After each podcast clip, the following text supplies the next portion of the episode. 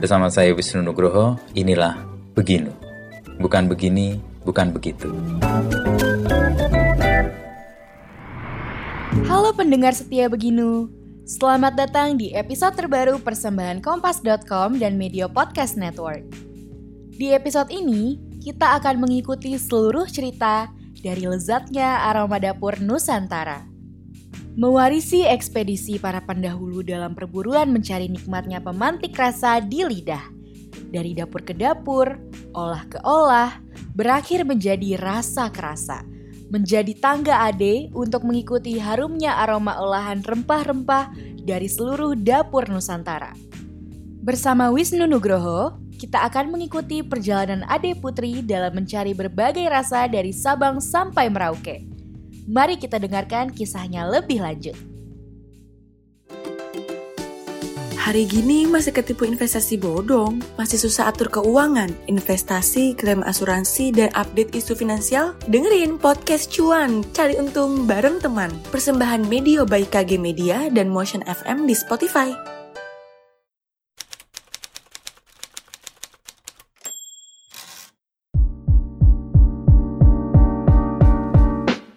Ya, Adek Putri.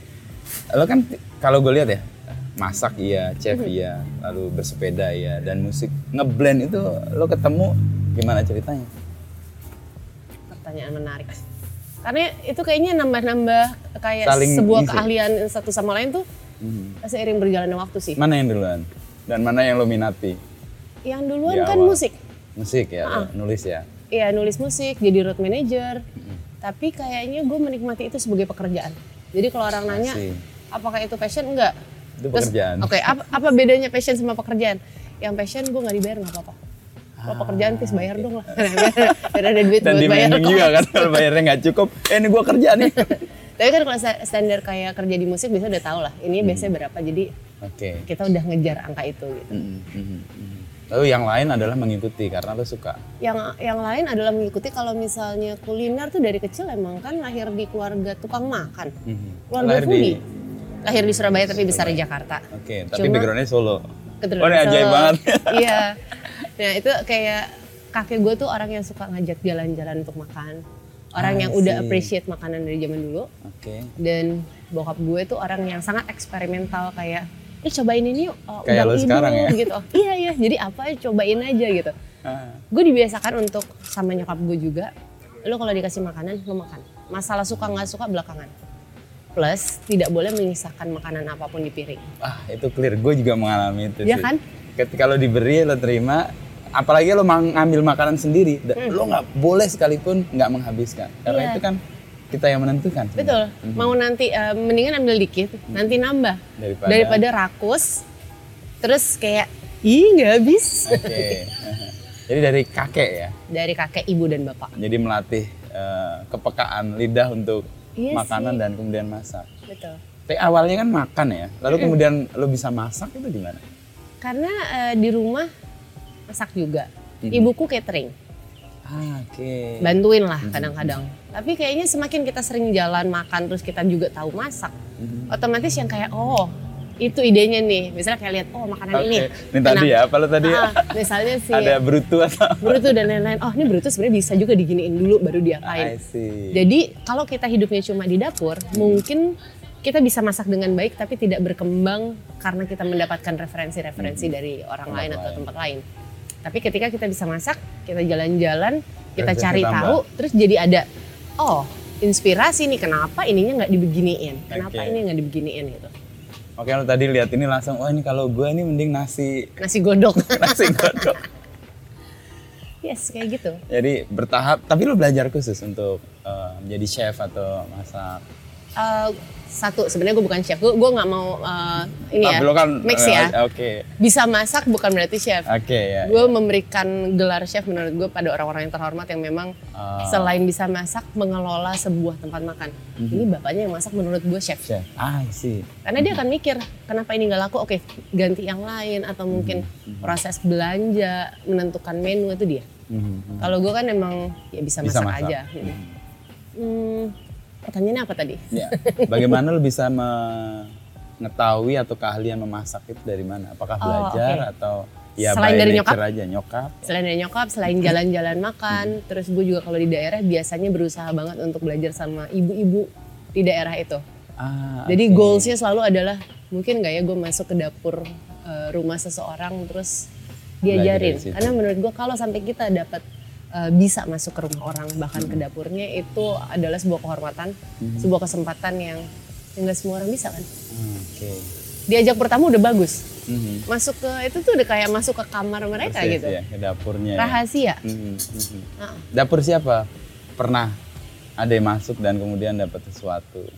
lumayan banyak. Mhm. Tapi yang gue berkesan banget waktu itu eh, di Pulau Banda Neira. Banda Neira. Iya. Si. Jadi ada satu ibu-ibu jualan kue, kuenya tuh kayak mirip kayak kue lumpur tapi ada serpihan ikan ikan Oke. tunanya suwir gitu, terus Mhm. enak. Manis.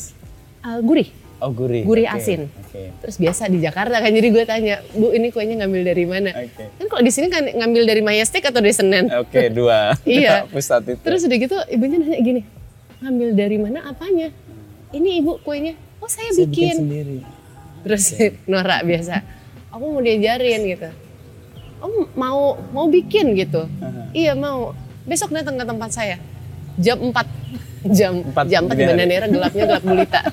Terus ngeri banget. Jadi waktu itu ajak teman sih ada Nugraha tuh eh, sketcher. Mhm, mhm. Yuk pagi-pagi. Terus kita ketok-ketok gitu. eh, masih gelap yang buka si bapaknya si Oke. suaminya. Kaget tuh bapaknya. Kaget kayak siapa nih anak Nggak dari kota tahu nih soalnya. gitu. Terus gini, Pak mau belajar masak sama Mama Hmm. Aisyah gitu. Oh iya udah dikasih masuk. Terus ya itu kalau temen gue sketching gue beneran belajar Mhm. dan bahkan sampai selesainya kita sepanjang itu kan ngobrol. Dia menceritakan Ah, kesehariannya, Iya, iya. keseharian dia, keseharian orang-orang di pulau. Terus kayak begitu udah selesai kuenya jadi, kamu mau bantuin jualan. Itu seneng Kayak banget. begitu, oke. Karena kan kita jadi ngalamin keseharian beliau gitu Oke, kayak iya, iya. oh ini kenapa orang-orang di sana misalnya lebih suka makan ikan. Mhm. Terus dapat cerita bahwa mereka even kalau lagi hari raya kurban, mereka bisa kadang-kadang motong kambing tapi nggak ada yang makan. Karena? Ada yang doyan. kan nggak biasa. Ah, oke. Karena kalau ketika lidahnya sudah terbiasa dengan makan Makan ikan, ya ikan. mereka akan makan ikan. Mhm, mhm. Itu adalah sebuah eh, ritual yang memang harus dijalankan. Itu pun nggak setiap tahun gitu. Oke, Motong oke. kambing. Tapi jadi menarik karena di Iya, cerita-cerita menarik ini. banget. Dan karena lo dapet cerita itu, lo kemudian juga menyebut diri sebagai storyteller juga ya untuk lo, bukan blogger ya. Bukan. Iya, iya. Apa yang membedakan menurut lo untuk jadi seorang storyteller dengan blogger? Kan sama-sama Ah, menulis oke. sebenarnya basicnya ya. Benar, sama-sama penulis makanan. Iya. Mau platformnya apa kek, mau Ya. menyampaikan dengan cara tertulis atau Mhm, verbal dan visual, lain-lain. ya. Tapi mungkin kalau ngomongin isinya, Mhm. eh, storyteller mungkin gue lebih fokus ke makanannya dibuat dari apa sih, Hmm. sejarahnya gimana sih, terus bagaimana sih masyarakat menerima makanan ini. Mhm. Kalau misalnya blogger mungkin mereka lebih up to date dengan tempat baru, tempat yang paling hits. Jadi kalau nanyain database tempat makan jangan nanya sama gue, gue mungkin nggak tahu banyak. Oke. Tapi makanannya apa? Mhm. Mungkin Iya, iya. bisa jadi gue lebih tahu. Maknanya, Maknanya lalu dan Dari mana lain-lain. didapat gitu Mm-mm. ya. Itu kayak lebih dalam ya mengenalnya. kurang karena- kurang lebih seperti itu. Mhm. Tapi gue tetap kayak terhadap footballer tuh gue suka eh, suka lihat-lihat kayak oh ini tempat ini kayak menarik. untuk gitu. jadiin storytelling Iya, jadi gue mencoba mencari data tuh justru dari, mereka. blogger-blogger ya. Mm-mm. Mhm. Jadi lo mendalami sesuatu yang sebenarnya sudah ada Iya. umumnya. Mhm. Iya. Dan dari situ kecakapan lo menulis sama masak tuh terlatih di situ. Hmm, kurang lebih begitu sih, karena kan pas kita ngobrol kayak cari tahu, bukan cuma belajar masak kan. Mhm. Misalnya kita mau ganti sesuatu, kita tahu oh ini tetap di dasar yang sama. Misalnya itu tadi mau bikin gue sebut nasi goreng rawon, kalau nggak ada keluaknya bukan nasi goreng rawon dong. Persis ya. Keluak adalah rawon Iya. kuncinya. Kuncinya. Meskipun di Jakarta nyari keluak susah ya. Em, Enggak. Sebenarnya nggak susah, tapi memang tricky di mana pun untuk mencari keluak yang benar. Benar. Mhm. Jadi sampai kapan pas kita buka, kita tahu, kita lihat, kita cium, Mhm. ini bisa dipakai. Oh, Oke. Waktu itu soalnya pernah sama teman-teman kita bikin penelitian tentang keluak, Serius? AA sama Mas Anton Ismail. Oke. Kita seumur hidup. Anton Ismail yang sekarang jualan babi. Yoi. Gue pengen makan situ tuh belum Gue sampai bilang gini, gua umur segini baru tahu bentuk buah keluak, the whole buah.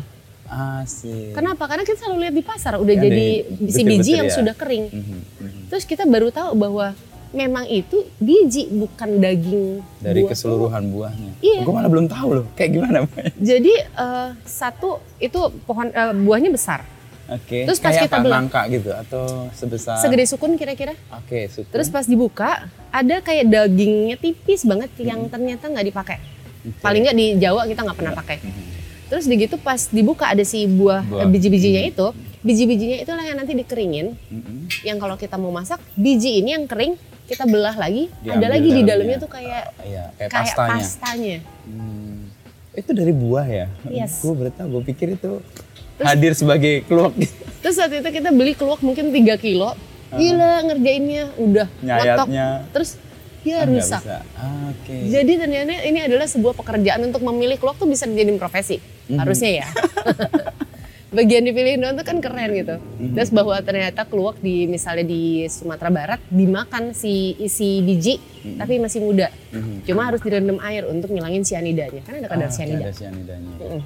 Eh, modelnya kayak sukun ternyata, baru tahu. Bentuk- tanaman di mana? bentuk di, itunya. di mana? Endemi di Jawa, di Eh, di Jawa ada, di Sulawesi juga ternyata ada. Mhm. Tapi endemik mananya gue belum tahu. Mhm. Siapa yang pertama? Menurut gue paling aneh adalah siapa yang pertama kali menemukan bahwa Ini bisa yang dimasak. si beracun itu bisa. Kenapa sih kan udah tahu beracun? Iya, iya. lu masih usaha? Untung enak. Dan emang enak sih, Iya, itu nggak ada enak tandingannya. Oke. Nah terus lo kan tadi ketemu dengan komunitas catcher juga, tapi yang paling banyak kan dengan komunitas eh, ya chef atau tukang masak lah kita Iya. menyebutnya. Lalu juga dekat dengan Om William ya. Itu Iya. gimana cerita? Terus kemudian menjadi sebuah bikin aksmi segala itu. Jadi waktu itu ceritanya Om William Wongso, gue tuh kan ngefans banget ya. Mhm. Kita semua ngefans kayak kan? Oh, jadi kayak mengidolakan gue tuh kalau sama uh, seniman musik atau apa pun, kalau ketemu biasa aja Biasa. paling kayak pengen ngajak makan bareng yuk Oke, gitu. iya, iya. Kalau sama Om William? Om William dulu pertama kali ketemu kayak Oh. starstruck nggak jadi nggak jadi ngajak ngobrol gitu kan tiba-tiba beliau follow gue di Instagram dan Twitter Ah, Gimana oke. rasanya? Wah itu kayak, kayak yang? Dia. gimana nih? Gimana? Terus eh, dia ngajakin ketemu. Kayak yuk. Ternyata Om William tuh kan suka banget mengumpulkan orang-orang memperkenalkan satu sama lain. Ya, ya. ini si Ade suka nulis makanan ini si ini Oh, ini Om si itu. kenal pertama karena adik menulis. menulis. Jadi dia follow dengan ngirim DM saya suka tulisan kamu. Ah, bagus gini gini gini. Kayak tadi dipeluk santen tadi. Iya.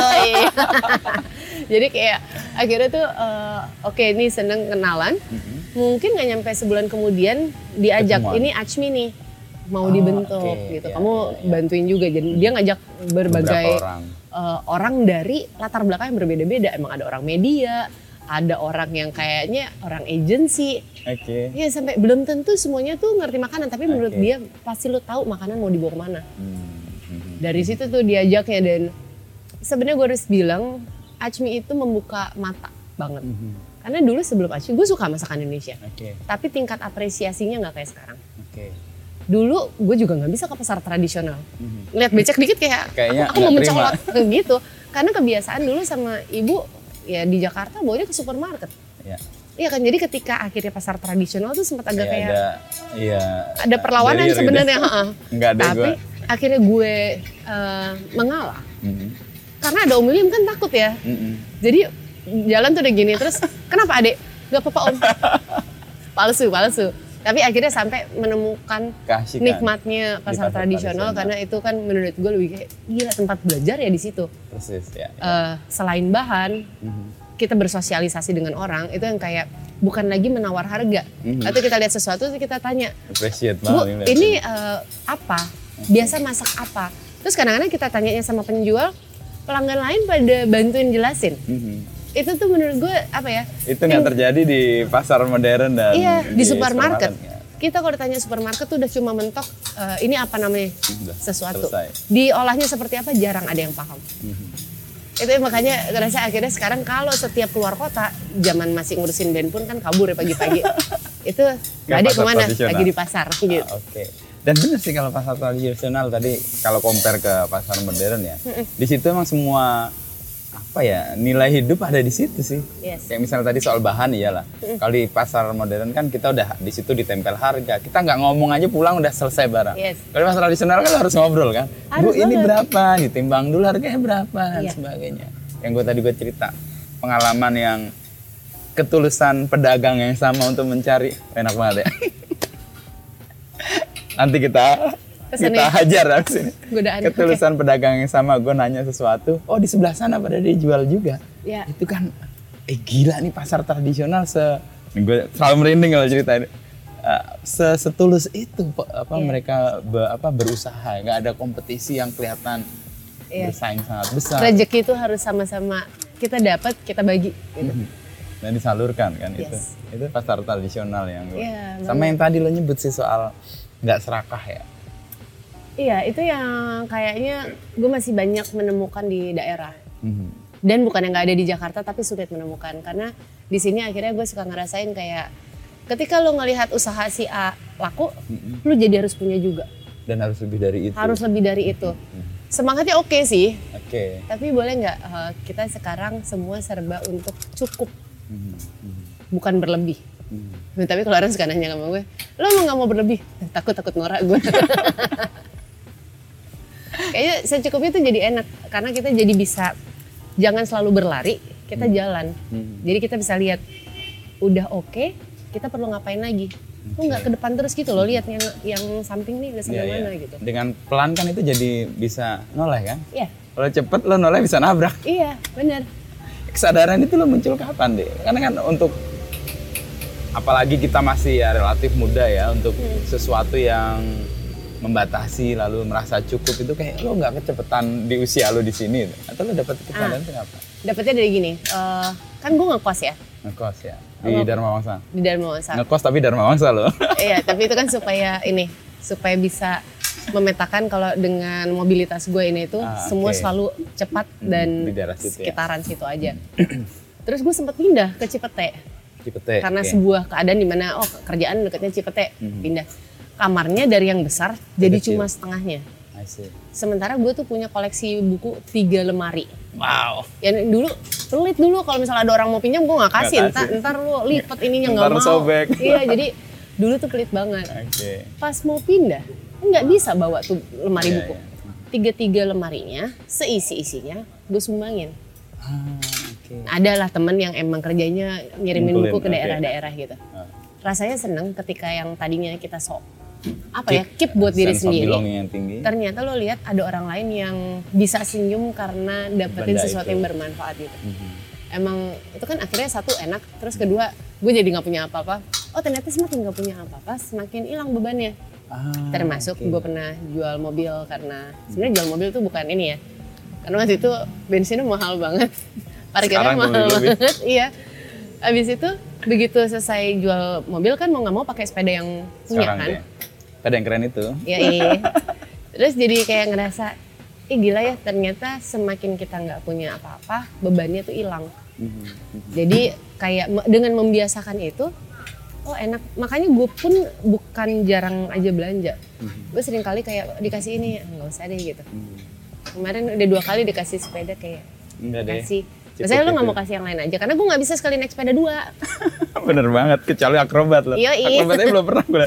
Ada sepeda dua orang kan, tiga Iya. orang. Tapi kalau naik dua sepeda naik dua nggak mah bisa. susah gitu. Tapi itu rasanya jadi ketika oh kalau misalnya kita bisa sharing sama kita nggak serakah, rasanya tenang banget. Karena nggak nggak iri. Nggak Mungkin iri. tepatnya itu ya. Jadi hilang rasa iri. Mhm. Lo kalau ada orang eh, karirnya bagus, ada orang punya pemasukan yang besar, kita lebih ikutan seneng daripada iri gue harus ada juga gitu. Itu bisa gitu karena kita udah ngerasa ya cukup aja. Ternyata cukup itu enak. Dulu sih gue nggak nggak tiba-tiba kayak gini. Kok dulu juga kayak ih kayak gitu gue juga bisa. Ya, Oke. Biasa. Tapi momen itu sekarang malah lebih menenangkan ya untuk Jauh lebih tenang. segala hal yang lo lakukan gitu. Asik ya, asik ya, kayak lagi. Apa nih? Sambil bau-bau ini lagi. Nah, kita tadi kan penyebabnya kan iri atau sebenarnya keinginan sebenarnya kan yang membuat orang ingin merasa punya dan memiliki sesuatu lebih besar lagi. Eh, iri itu kan karena ingin. Iya benar. Iya kan? Kalau gue juga sampai gini.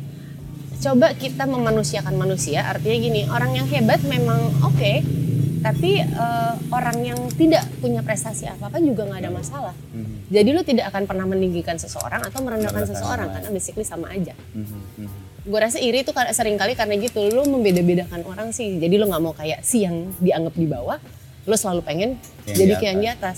Terus Padahal jadi yang atas atau bawah itu kan Iya, nanti lu juga. putar-putar. Kita juga kadang di sini, kadang di sini, kadang stagnan.